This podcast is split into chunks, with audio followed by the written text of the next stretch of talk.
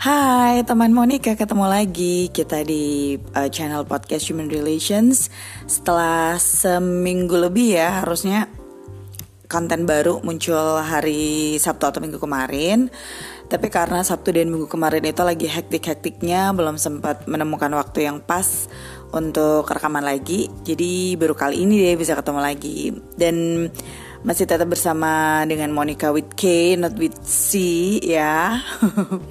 Dan masih juga akan ngobrolin tentang hal-hal yang berkaitan dengan hubungan antar manusia karena nama podcast kita kan Human Relations ya sih. Oke. Okay. Um, hari ini aku pengen ngobrolin tentang LDR atau long distance relationship ya. Jadi orang selama ini berpikir bahwa yang namanya LDR itu hanya sesuatu yang berhubungan dengan romantic relationship. Tapi sebetulnya nggak tahu ya. Uh, kalau buat aku pribadi sih kalau dari istilahnya long distance relationships dan kalau kita mau terjemahkan secara bebas, long distance itu kan uh, jarak jauh relationship itu kan hubungan ya. Dan di situ tidak ada secara spesifik menyebut hubungannya adalah hubungan yang bernuansa romantis atau bernuansa keintiman. So, um, it is possible that LDR itu bisa diaplikasikan untuk jenis-jenis hubungan yang lain termasuk hubungan pertemanan, persahabatan, uh, apalagi hubungan kerja misalnya ya. Itu juga bisa dong ya. Kenapa aku ngebahas LDR? Karena sebentar lagi aku mau LDR guys. Jadi um, ada satu tantangan ya yang harus dihadapi oleh seseorang ketika dia akan pergi meninggalkan sebuah tempat atau dia akan pergi untuk suatu jangka waktu tertentu gitu ya. Um, menurut aku wajar aja ya karena sebetulnya selama dia pergi itu dia tidak bisa lepas dari segala sesuatu yang ada di daerah asal dia gitu. Jadi misalnya kayak aku bentar lagi mau LDRan sama semua orang yang ada di Solo, sama semua relation yang ada di Solo, relationship yang ada di Solo, keluarga, teman, uh, sahabat, apa namanya, teman kerja, teman kantor dan sebagainya. Jadi uh, ada rasa-rasa wah LDR lagi nih gitu. Tapi sebetulnya mungkin buat orang yang udah biasa LDR udah bisa menghadapi ya dengan lebih uh, dewasa gitu ya.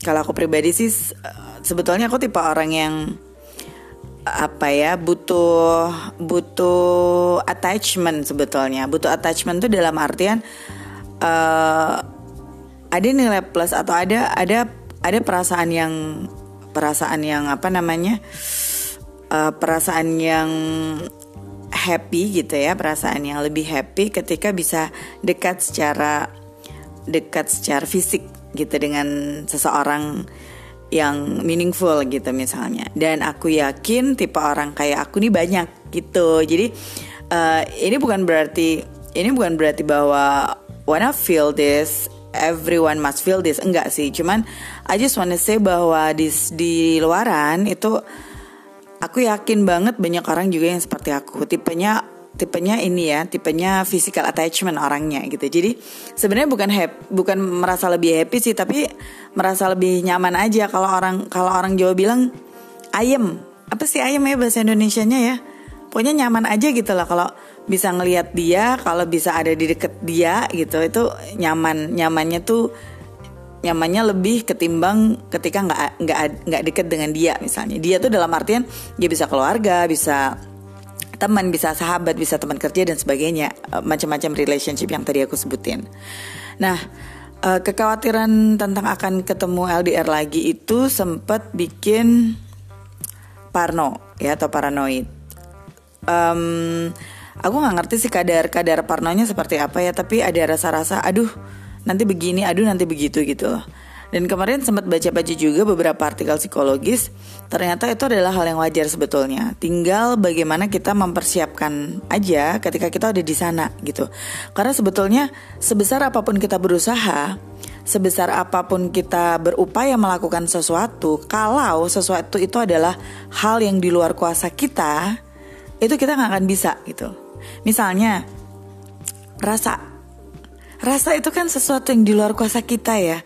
Kita nggak bisa milih aku pengennya benci sama A, aku pengennya benci sama B misalnya. Aku pengennya sayang sama A, aku pengennya sayang sama B misalnya. Aku pengennya nggak worry mau LDR, aku pinginnya nggak takut kalau saat mau LDR, nggak bisa. Kita tidak punya kebebasan untuk memilih rasa gitu, karena rasa itu sesuatu yang berasal dari luar gitu ya. Dari luar tuh artinya bukan kita yang bukan kita yang menciptakan. Kan itu gifted ya. Tuhan kan maunya kita punya rasa sayang ke siapa Tuhan maunya kita tiba-tiba punya rasa iri dengki ke siapa gitu karena iya itu kita nggak bisa menciptakan karena rasa itu bukan kita itu di luar kuasa kita tapi ada yang bisa kita kendalikan yaitu how to deal with the rasa itu tadi bagaimana kita uh, ada ada orang yang dulu pernah bilang sebenarnya masalahnya bukan di rasa tapi bagaimana kita mengelola rasa. Nah jadi nggak cuman nggak cuman apa ya eh, nggak cuman organisasi yang harus dikelola guys. Rasa pun harus dikelola ternyata. Jadi uh, kita yang memilih bagaimana kita mengelola rasa. Kita yang memilih bagaimana kita memperlakukan rasa itu gitu. Jadi misalnya nih ya let's say lah misalnya aku sampai sekarang masih ngerasa worry nih nanti mau LDR misalnya uh, rasa worry mau LDR itu nggak bisa dibunuh atau nggak bisa dihilangkan. Nggak bisa kita paksa menghilangkan gitu ya. Orang kan kadang gitu ya. Aku pengen ngelupain dia aku pengen nggak mau sayang sama dia. Aduh itu nggak bisa guys. You have to deal with that. Caranya deal with that adalah manage it ya. Uh, apa namanya kelola rasa itu.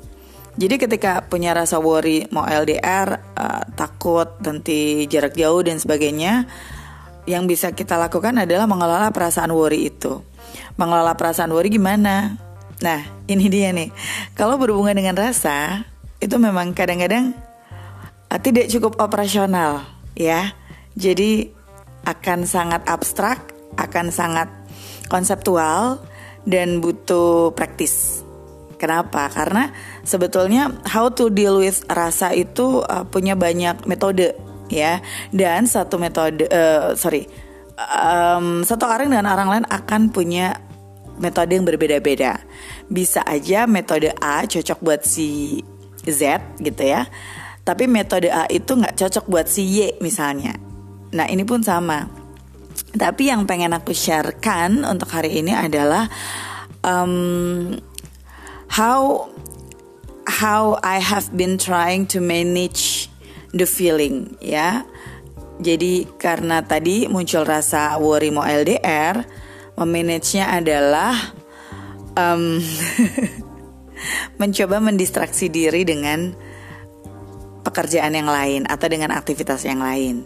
Yang itu sangat mudah. Sangat mudahnya tuh mendistraksinya ya sangat mudah ya. Tapi it, it it is not working sebetulnya. Nggak bisa 100% working. Jadi sekarang ini aku lagi sibuk-sibuknya banget ya karena mau pergi. Jadi uh, banyak hal yang mesti di handle banyak hal yang mesti ditanganin. Artinya kan sebetulnya cara activity kan sibuk banget ya.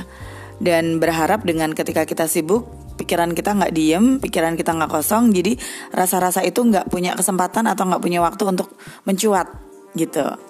Nah kadang-kadang itu berhasil berhasil.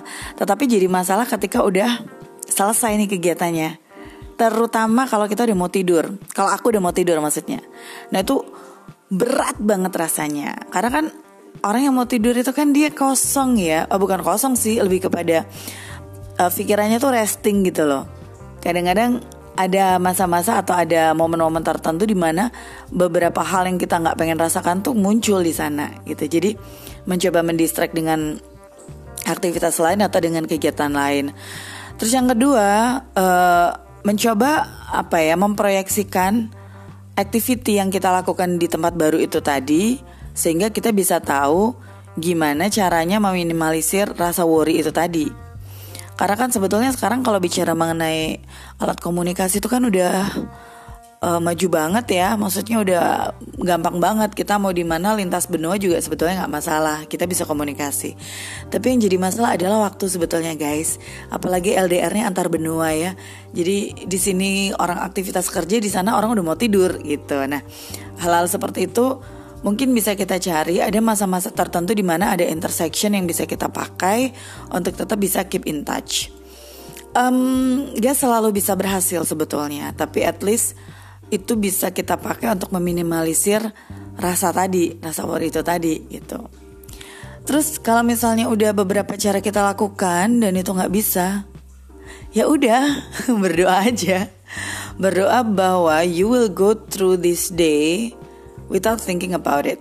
Itu satu-satunya cara ya karena setiap orang kan beda-beda ya. Uh, ada ada tipe orang yang dia bisa slow gitu menjalani hidup, dia bisa enteng nggak begitu nggak memikirkan sesuatu secara berlebihan. Nah sementara aku tuh orangnya model yang seperti itu gitu.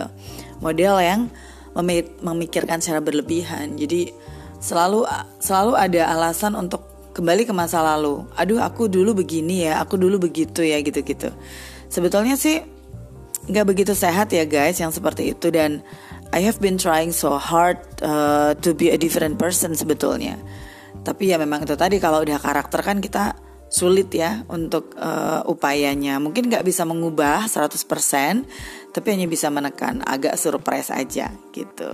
Agak bisa mengendalikan lah gitu.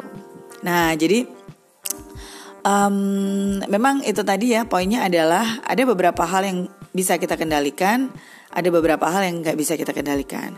Ketika kita berhadapan dengan hal yang tidak bisa kita kendalikan, seperti rasa misalnya, Berarti yang harus kita lakukan adalah mencoba mengendalikan sesuatu yang berada di dalam kuasa kita gitu. Dan memang I know ngomong gampang.